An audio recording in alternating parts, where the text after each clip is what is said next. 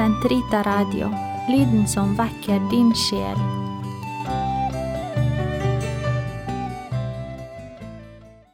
Den katolske kirkes katekisme, uke tre, søndag, paragraf 2574 til 2580.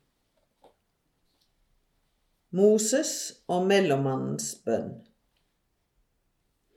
På den tid da løftet begynner å gå i oppfyllelse, påskefesten, utfarten fra Egypt, loven som blir gitt og pakten som sluttes, er Mose bønn et gripende bilde på den forbønn som fullendes i den ene midler mellom Gud og mennesker, mennesket Kristus Jesus.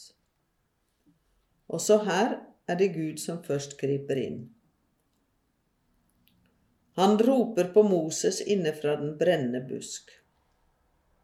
Denne begivenheten skulle komme til å bli et av de viktigste bildene på bønn i den jødiske og kristne åndelige tradisjon. For hvis Abrahams Gud, Isaks Gud og Jakobs Gud kaller på sin tjener Moses, da er det fordi han er den levende Gud som vil at menneskene skal leve. Han åpenbarer seg for å frelse dem, men ikke på egen hånd og ikke uten dem. Han kaller Moses for å sende ham, for å gjøre ham delaktig i sin medynk, sitt frelsesverk. I denne sendelsen er det som om Gud bønnfaller og Moses føyer sin vilje etter den frelsende Guds etter et lengre ordskifte. Men i denne samtalen, hvor Gud betror seg, lærer Moses også å be.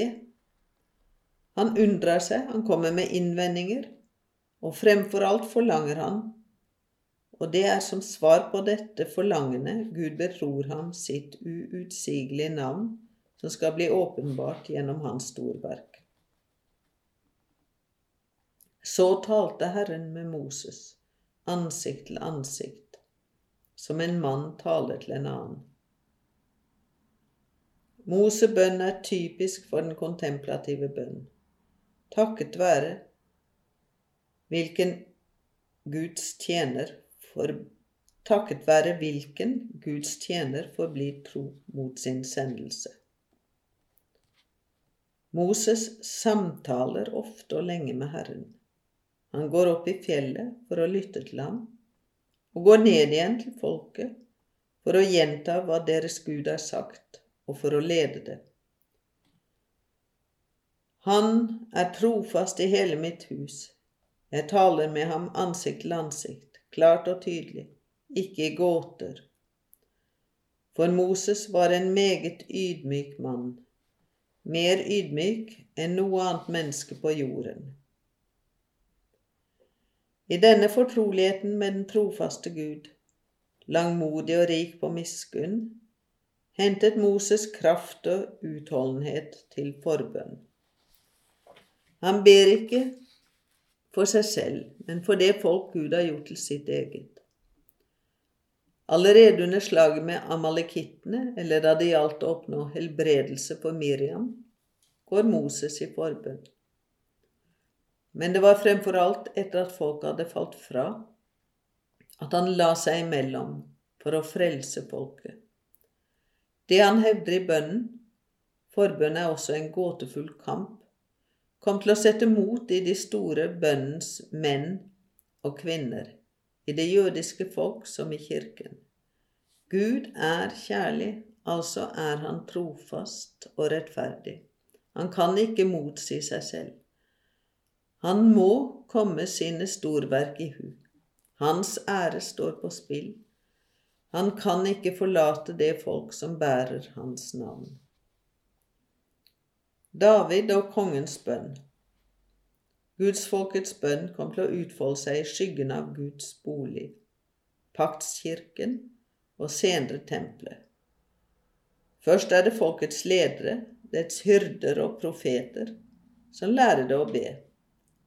Som barn må Samuel ha lært av Hanna, sin mor, hvordan han skal tre frem for Herrens åsyn, og av presten Eli hvordan han skulle lytte til hans ord. Tal, Herre, din tjener hører. Senere skulle også, også han lærer å kjenne hva forbønn koster, og hvilken byrde den er. Jeg vil aldri gjøre en slik synd mot Herren, at jeg holder opp og ber for dere. Jeg skal lære dere den gode og rette vei.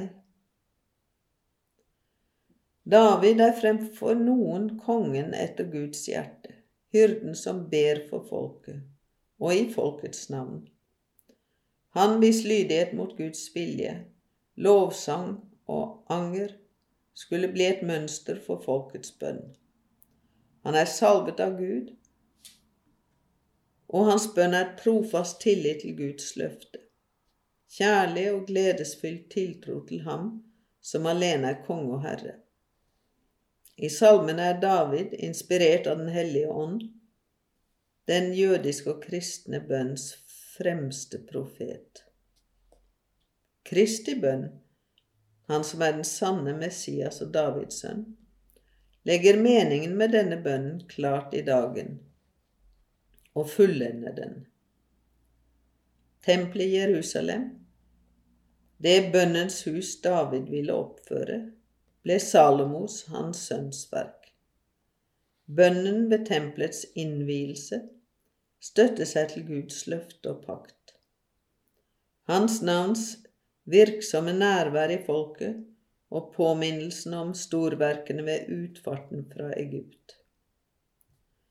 Deretter løfter kongen hendene mot himmelen og bønnfaller Herren for seg selv, for hele folket, for kommende slekter, om forlatelse for deres synder og for deres daglige behov, slik at alle folkeslag kan vite at Han er den eneste Gud, og at hele folkets hjerte tilhører ham alene.